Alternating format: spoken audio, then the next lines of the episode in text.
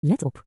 Alles wat besproken wordt in deze podcast is uitsluitend bedoeld als entertainment en mag niet worden opgevat als financieel, beleggings- of ander professioneel advies. Bitcoin is een permissieloos, veilig, gedecentraliseerd stuk code. De enige garantie in crypto is het risico. De enige garantie met euro spaargeld is een verlies aan koopkracht. Wanneer u geen controle hebt over uw privésleutels, bezit u eigenlijk geen bitcoin. Luisteren naar een podcast verbruikt ook elektriciteit. Welkom bij de Alles voor Bitcoin podcast, de onafhankelijke reclamevrije stem van de Belgische bitcoiners.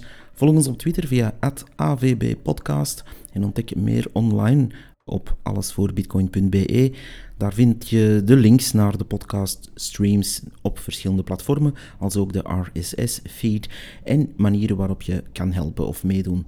Ons contacteren kan ook en dat is allesvoorbitcoin.be slash contact. En daar vind je verschillende manieren om ons te contacteren. Dit is aflevering nummer 80 op 10 juli 14 anno Satoshi. De blokhoogte is 798.088. Voor uh, één bitcoin betaalt u 27.470 euro. Dat is 30.075 dollar momenteel. En dat is dan weer goed voor 5.971 Big Macs. Allereerst even een uh, recap van de voorbije dagen. We hebben een aantal dingen afgewerkt. Dat is altijd uh, leuk om dingen af te vinken, vind ik zelf. En dat, uh, dat gaat in de eerste plaats over aflevering 79 die ik uh, kon opnemen met een anonieme bitcoiner, zoals jullie vorige week eigenlijk hebben kunnen uh, vaststellen. En uh, ja, die, die aflevering zien er nog een beetje na. Hier en daar moeten mensen dat nog verteren, blijkbaar. Ik krijg er een paar berichten over hier en daar. Maar dat verheugt me, want daar gingen we natuurlijk over een artikeltje dat verscheen in de krant De Tijd, waar men toch wel ja, een aantal bedenkelijke opmerkingen maakte over Bitcoin. En uh, dat wilden we toch even rechtzetten of aan antwoord dienen. En dat gaan we vaker doen om natuurlijk die kranten toch enige verantwoording te laten afleggen of toch af en toe eens in eigen boezem te laten kijken. Want uh, ja, je kan niet zomaar blijven onzin printen over Bitcoin. Er zijn wel mensen die dat lezen en daar iets van kennen en daar ook gaan op reageren. Net zoals je wanneer je zever schrijft over een of ander beursgenoteerd bedrijf, je ook wel reactie zou kunnen gaan verwachten. Dus uh, ja, we're watching. um, de uitnodiging trouwens om over de inhoud van dat artikel, want misschien vatten wij het helemaal verkeerd op. En uh, ja, zoals mijn uh, gast vorige week ook al zei, de uitnodiging staat helemaal open om met de auteur van dat stukje toch eens te praten over die inhoud. En misschien kunnen we daar allebei wat van, van bijleren aan de beide kanten. Daarnaast heb ik ook de voorbije twee weken zelf uh, eventjes hard doorgewerkt om bitcoinbasis.be, dat uh, zijproject, verder uit te bouwen. Dat is nu in de eerste fase afgerond. Dus de roadmap hiervoor die, is een beetje aangepast door omstandigheden.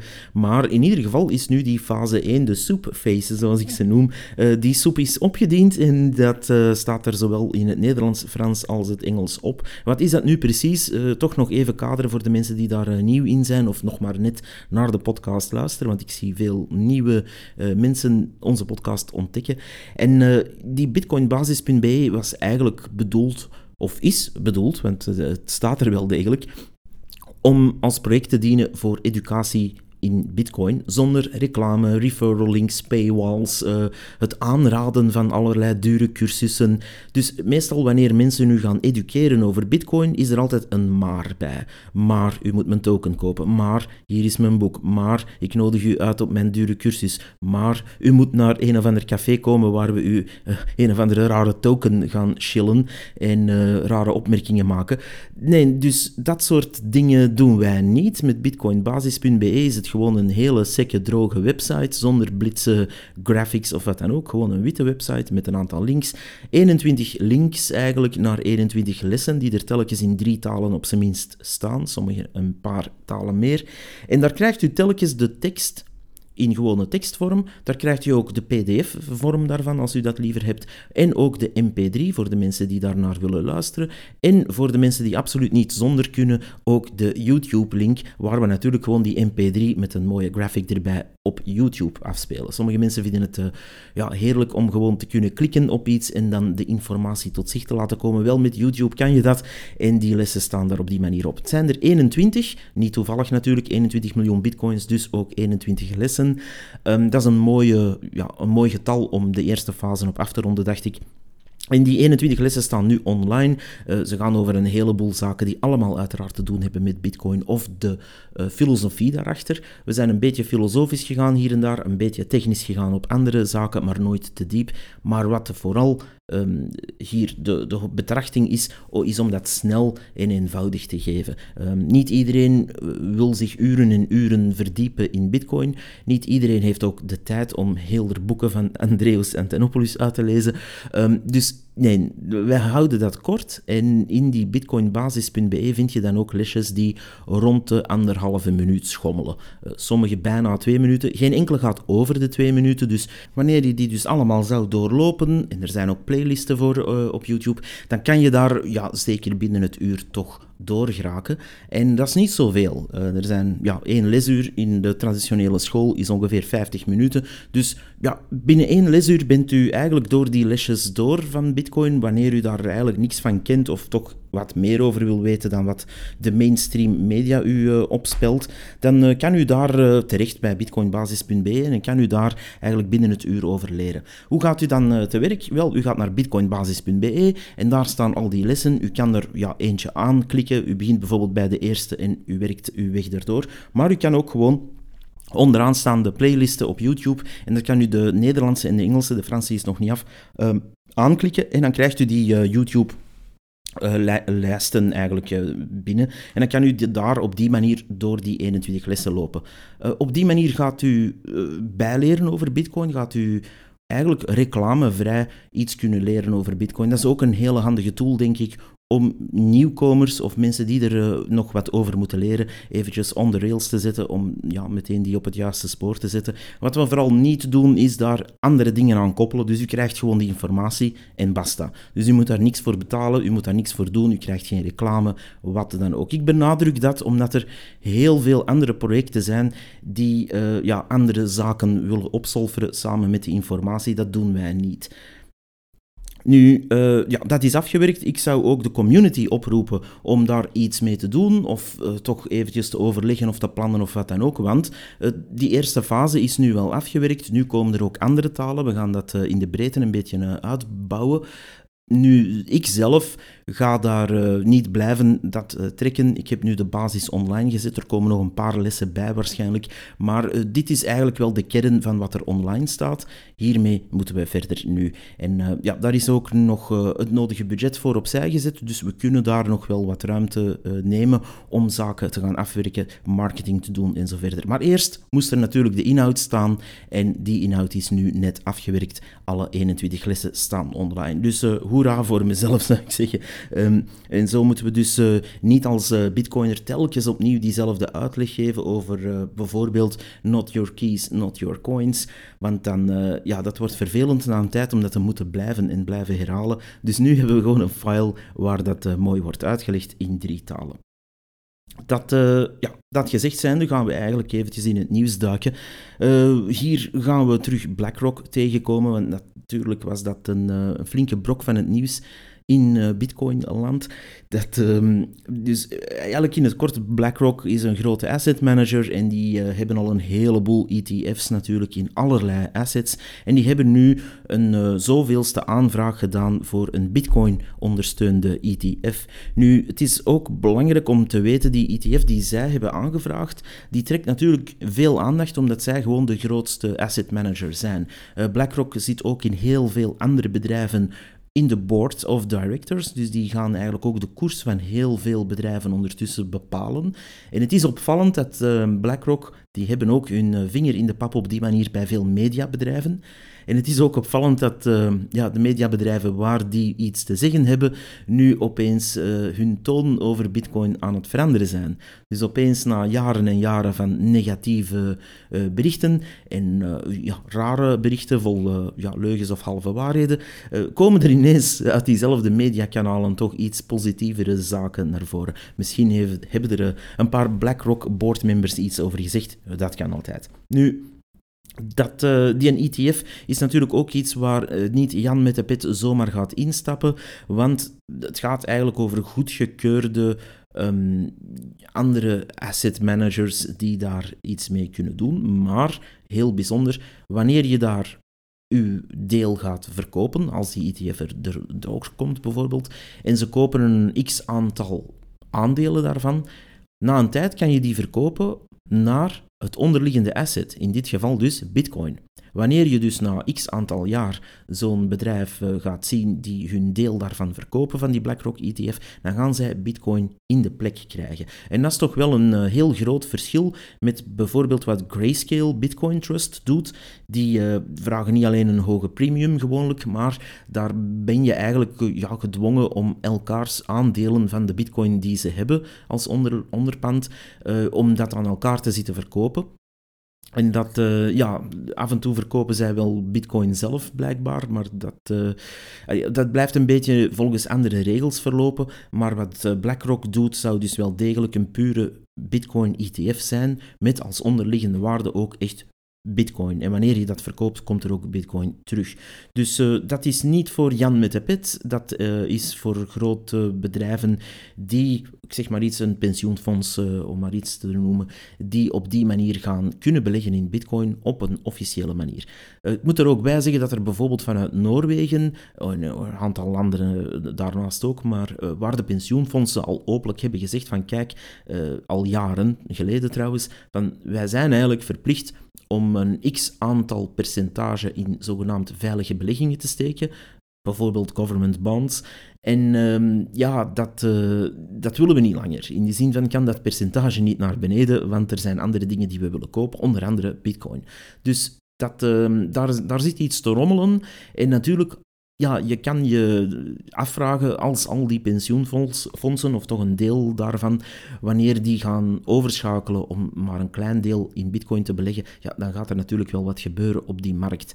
We gaan uh, zien wat dat geeft. Het heeft ook wat nadelen natuurlijk. Bitcoin wordt op deze manier meer mainstream, groter. En ja, BlackRock wordt dan waarschijnlijk een heel belangrijke speler, net zoals Grayscale uh, dat was of is.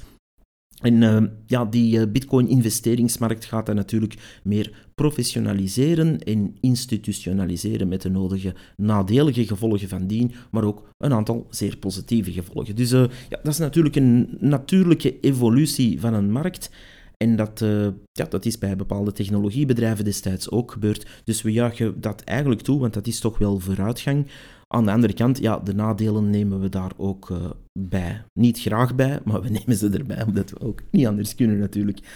Um, we blijven in uh, hetzelfde sfeertje ongeveer, maar dan een beetje aan de andere kant van het spectrum. De um, SEC, de Securities and Exchange Commission in de US, die zijn stilletjes aan achter de kleinere decentralized finance projecten aan het gaan. Decentralized finance, voor de mensen die dat uh, niet kennen, die term, dat, uh, dat gaat eigenlijk over, dat zijn eigenlijk meestal exchanges of protocollen die het toelaten om financiële transacties, zullen we het dan maar noemen, beurstransacties of wat dan ook, te gaan doen op een gedecentraliseerde manier via ja, uh, bepaalde protocollen en platformen. Nu, uh, de SEC die uh, zegt van kijk, daar zitten heel veel securities tussen, dus eigenlijk echte ja, beleggingen, die dan eigenlijk zonder de regels te respecteren bij de mensen zijn aangeboden. Daar kan je over discussiëren, daar zijn ook een heleboel rechtszaken over hangende ik neem daar ook geen standpunt over in, omdat dat meestal 99,9% gaat over, eh, laat ons het maar noemen, altcoins eh, gaat. En niet altijd de meest frisse altcoins. Maar eh, daar zit natuurlijk ook technisch wel iets in dat uh, ja, er wel is. In die zin, op zich technisch, los van de shitcoinerie en de scammers, is het wel technisch knap dat er bijvoorbeeld beursverhandelingen gedecentraliseerd kunnen gebeuren op een uh, bepaald platform en dat daar geen centrale partij meer is. Dus op zich vind ik dat technisch zeer interessant. Los van ja, de vaak uh, schimmige manier dat dat wordt aangeboden. Maar goed, dus de SEC, die, um, om dat te kaderen, die zijn dus eigenlijk achter de kleinere DeFi-projecten aan het aangaan. En hoe doen ze dat? Ja, ze, ze, lappen die er eigenlijk bij voor een rechtszaak van te zeggen van kijk, jullie moeten nu eigenlijk stoppen met dit protocol verder uit te bouwen. Een voorbeeld deze week was bijvoorbeeld uh, Barton Bridge. Uh, en die, uh, ja, die hebben eigenlijk meteen hun liquiditeitspools en zo verder laten leegmaken, of toch aangemoedigd om die leeg te maken. En die zijn gestopt met hun protocol verder te gaan uitbouwen, net omdat ze dus werden aangeklaagd door die SEC. Dat is, um, dat is natuurlijk een, uh, ja, een mooie tactiek. Wat de SEC hier door, uh, ja, doortastend eigenlijk begint toe te passen, is achter die kleinere vissen aangaan om natuurlijk de grotere vissen in het DeFi-wereldje te gaan aanporren om ja, eigenlijk als waarschuwing te dienen van kijk eens, we kunnen dit met jullie ook gaan doen, tenzij jullie volgens onze regels gaan beginnen spelen. En uh, die spelregels zijn natuurlijk duidelijk, KYC voor alle deelnemers, verregaande logging van IP-adressen, identiteitscontrole, noem het maar op. En dan, uh, ja, dan is het hek van de dam natuurlijk, want waarom zitten heel veel mensen nu net in zulke DeFi-projecten? Om yield te halen of om uh, te speculeren op enorme volatiliteit en op meme coins en andere uh, ja, junk. Maar ja, ze doen dat wel. En daar gaat natuurlijk veel geld in om. Sommige mensen worden daar rijk van, anderen worden daar volledig berooid van. Maar Um, ja, het is er wel en men is daar dus achteraan aan het gaan. En die grotere spelers, um, ja, zoals een Uniswap bijvoorbeeld, die gaan vroeg of laat, denk ik dan toch, want ik heb geen glazen bol voor diegenen die daar aan twijfelen, um, die... Uh, ja, die gaan vroeg of laat toch ook een vorm van KYC moeten doen, of toch een vorm van meespelen met die eh, SEC. Ze hebben trouwens ook een eigen token. En dat is, uh, denk ik, waar Uniswap een fatale vergissing heeft gemaakt om een token aan te bieden. Uh, ze hadden het moeten houden, denk ik, puur bij hun uh, ja, gedecentraliseerde beurs, zullen we het maar noemen. Hoewel, ja, hoe gedecentraliseerd is het echt? In ieder geval, daar rommelt wat. En zonder daar al te diep in te gaan, want dan moeten we afdalen in de spelonken van de Ethereum DeFi-wereld. En ik weet niet of ik daar tegen kan. Maar vele van deze projecten uh, ja, drijven dus op een soort van gokmentaliteit en memecoins en noem het maar op. Maar ik zou aanraden, moest je daar toch aan meedoen, en er zijn heel wat bitcoiners die daar waarschijnlijk af en toe eens instappen om ja, bitcoin bij te verdienen, zeker, ik weet het niet. Uh, het is een enorm risico, dat weet iedereen, maar ik zou zeggen, stap daar op tijd uit voor de hamer neerkomt. Want zulke projecten, ja, die verdwijnen van de ene seconde op de andere. En dan, uh, ja, dan kom je bij een websiteje dat gewoon zegt van, sorry, wij houden ermee op. Dus um, haal op tijd uw spullen daar weg en zet ze om in iets veiliger, wat dat dan ook mogen zijn. Uh, voor sommigen is dat uiteraard bitcoin, voor anderen is dat weer iets anders. Maar haal het in ieder geval weg voor die um, Securities and Exchange Commission ook hun hamer op uw uh, yield farming of whatever projectje dat je hebt geprobeerd uh, gaat uh, laten neerkomen. Eigenlijk kan ik gewoon aanraden, blijf daar gewoon van weg. Dus DeFi op zich is interessant. Kijk daarnaar en experimenteer misschien ergens op een testnet of ja, speel er wat mee rond met zeer, zeer kleine bedragen, gewoon om ja, daar een feeling mee te krijgen. Er zijn ook uh, DeFi-projecten die wel degelijk met Bitcoin iets doen. Dus dat is allemaal zeer interessant technisch. Maar ja, je bent natuurlijk in een mijnenveld aan het ronddansen, zeker wanneer er uh, instanties hun vizier daarop hebben uh, laten inzoomen. Dus pas daarmee op en not your keys, not your coins, of not your keys, not bitcoin, zoals uh, we vorige week hebben gehoord. En dat, dat is zeer waar, zeker in dit geval. We hebben ook de CBDC-propaganda zien toenemen deze week. Ik ga daar heel kort over zijn. Dus de, de Europese Centrale Bank is duidelijk on track om tegen juli 2024 hun CBDC te lanceren, alvast in testfase. En natuurlijk moeten de, ja, de burgertjes in Europa daarvoor warm gemaakt worden. En we zagen dus onder andere op Twitter, ik denk dat ik er ook een paar heb gezien op andere platformen, van die uh, mooie pancartes waarin dan staat dat uh, de euro nu digitaal wordt en dat een digitale euro gelijk is aan een gewone euro. Dus dat soort uh, ja, onwaarheden eigenlijk, want het is niet hetzelfde. Ze geven dat ook zelf toe dan een paar regels verder, omdat ze er limieten gaan opzetten van 3000 euro maximum. Dus ja, uh, een portefeuille waar je ongelimiteerd veel euro's kan insteken en een portefeuille waar je maar 3000 mag insteken, dat is niet hetzelfde. Je kan erover discussiëren zoveel je wil. Het is niet hetzelfde. Dus um, ja, die, die bedenkelijke propaganda die is dus uh, bezig. En ja, dat, uh, dat vraagt toch enige reactie. Maar ja, ik heb eigenlijk, zeker in België, nog geen reactie gezien. Ook geen debat. Dat is uh, zoals gewoonlijk wanneer de wet wordt gevormd en wanneer die working papers uitkwamen dan waren wij daar wel lawaai over aan het maken op AVB Podcast, maar was daar verder geen haan naar aan het kraaien. En nu dat die wetten gestemd zijn, nu dat dat er eigenlijk door uh, ja, is, en gewoon die wetten gaan aangepast worden in België om dat toe te laten, want uh, België mag dat eigenlijk niet invoeren volgens een wet uit de 19e eeuw. Um, maar goed, dat zullen ze dan wel weer aanpassen waarschijnlijk, zodat dat opeens wel mag. En ja, dan zitten we ermee. Maar ik zie geen enkele politieke partij daar lawaai over maken. Ik zie daar ook heel weinig burgerbewegingen of andere organisaties, NGO's of uh, uh, privacy-getinte organisaties echt lawaai over maken. Um, ja, de Ministry of Privacy heeft er wel eens een paar posts over gedaan uh, dat dat een privacy-nachtmerrie kon worden. Daar hebben ze ook volledig gelijk. Maar buiten die mensen en bitcoiners uh, zie ik zeer weinig weerwerk, om niet te zeggen niks. En dat is toch wel zeer verbazend. Dus uh, ik stel alleen maar de vraag, komt daar nog ooit weerwerk of niet? Dat, uh, het moet misschien toch weer van de bitcoiners komen om daar weer iets op touw te zetten, vermoed ik.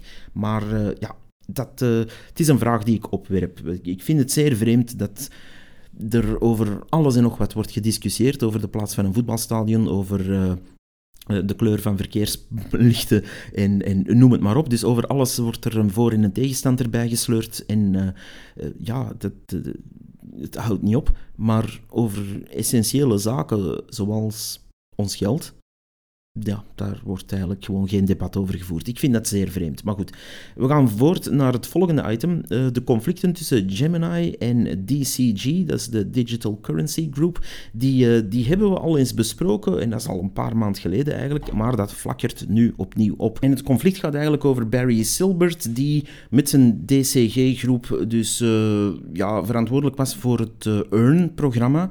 Eh, van Gemini. En daar is een conflict over gekomen van het uitlenen van uh, bitcoin in ruil voor rente. En dat programma stopte echter met uitbetalen, ergens november 2022. En uh, ja, ging dan failliet. Nu, de Gemini-oprichter, dat is Cameron Winklevoss, die beweert dat Genesis en DCG hen dus nog een 900 miljoen dollar verschuldigd zijn en aan de klanten vooral van Gemini. En DCG noemt dat ja, gewoon een publiciteitsstunt en negeert dat. Dus uh, die saga is al wel een tijd bezig, eigenlijk uh, sinds vorig jaar. Maar dat, uh, ja, dat borrelt nu dus terug op, want ze hebben elkaar weer voor de rechter gesleept om die 900 miljoen te recupereren. Dat is, ja, dat is toch een interessante zaak aan het worden, vind ik zelf.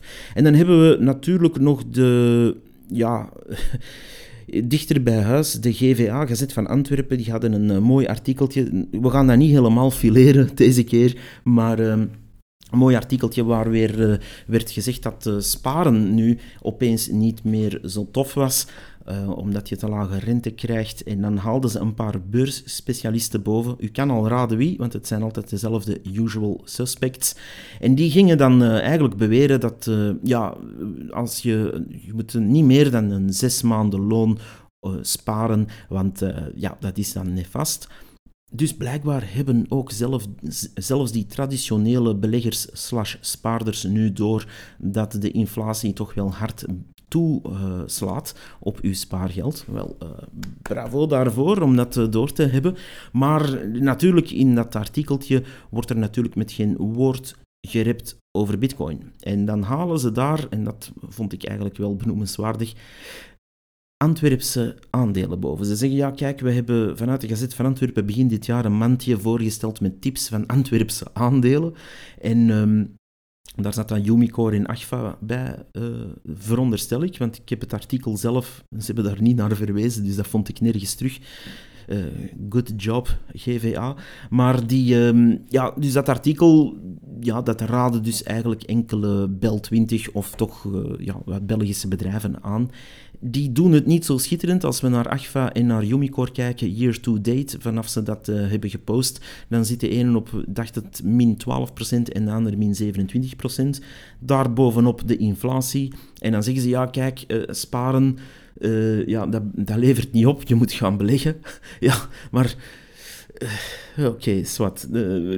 je kan daar lang over discussiëren, want natuurlijk voor hetzelfde geld waren die twee aandelen schitterend aan het stijgen. Maar ja, kom aan. Je, je gaat eigenlijk voor mensen die al de Gazet van Antwerpen lezen En die ja, dan blijkbaar toch beurstips gaan geloven van die specialisten. Je gaat daar eigenlijk ook weer bitcoin verzwijgen. En dat is wel jammer. ze halen dan zelf boven van ja, maar er is wel een alternatief in real estate beleggen. Tja, um, een koppel dat uh, paktweg 100 euro per maand kan opzij sparen, die gaan niet snel in real estate beleggen, denk ik. En good luck met uw Yumicore aandelen, by the way. Dus ja, dat, um, dat is eigenlijk triestig. We zien wel vaker dat soort artikelen verschijnen waar er dan eigenlijk appelen met peren wordt vergeleken en waar er ja, aan de ene kant wordt gedaan alsof iedereen geld genoeg heeft om te sparen, maar aan de andere kant dan weer geen rekening wordt gehouden met dat heel veel mensen dat niet hebben. En dat is wel triestig om te zien. Ik, uh, ik vind het altijd heel dubbel, zo'n artikels, omdat ik aan de ene kant denk van, ja, eigenlijk zou het mogelijk moeten zijn voor mensen die nauwelijks kennis of ook interesse hebben in beleggen of in bankzaken of wat dan ook. Uh, niet iedereen wil dat allemaal zitten vergelijken en uitvlooien. En dat is, dat is ook tof, dat hoeft helemaal niet. Ehm, maar zulke mensen zouden eigenlijk op een veilige, toffe manier zonder al te veel gedoe naar hun bank moeten kunnen gaan en zeggen, kijk, eh, zet dit opzij en ik wil daar, ik zeg maar iets, een 2, 3 procent per jaar op uh, krijgen. En dan uh, komen er allerlei schema's boven voor zogenaamd defensief beleggen, wat in mijn persoonlijke opinie niet bestaat. Maar goed, daar kan je over discussiëren dan. Maar die mensen die trekken altijd aan het kortste eind. Ofwel worden ze door de inflatie neergehaald, ofwel gaat hun koopkracht dalen, eh, ongeveer hetzelfde is, ofwel gaan ze door hoge kosten gebeten worden, ofwel doet het aandeel het slecht en noem maar op. Dus uh, ja, eh, denk eens na over wat je met je geld doet, zou ik zeggen. Kijk ook een beetje rond. Er zijn wel degelijk alternatieven. En zo'n artikeltjes, ja, die uh, geven eigenlijk de pap in de mond zonder het te benoemen. Dus ik zou zeggen, denk zelf na en uh, ja, act accordingly. Dat was hem voor vandaag. Ik ga tijdens de zomermaanden het ietsje um, rustiger aandoen, maar wel proberen nog wat interviews los te krijgen van mensen. Want dat is denk ik toch wel nodig. Ik hoor heel veel verschillende stemmen van bitcoiners en dat, ja, dat is ook de hoofdreden dat ik dit doe, om uh, mensen voor de micro ook te kunnen halen en eens uh, andere invalshokken te la laten horen.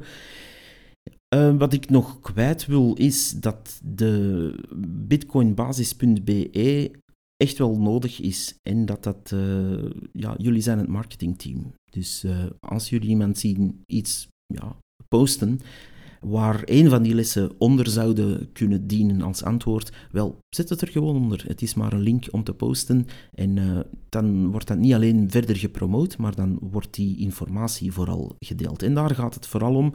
het is nogal wiedes dat ik dit niet doe om daar uh, veel geld mee te verdienen of uh, een of andere Instagram-post uh, veel kliks mee te laten krijgen. Dit is er om informatie te delen vooral. En die informatie staat nu online, dus gebruik hem.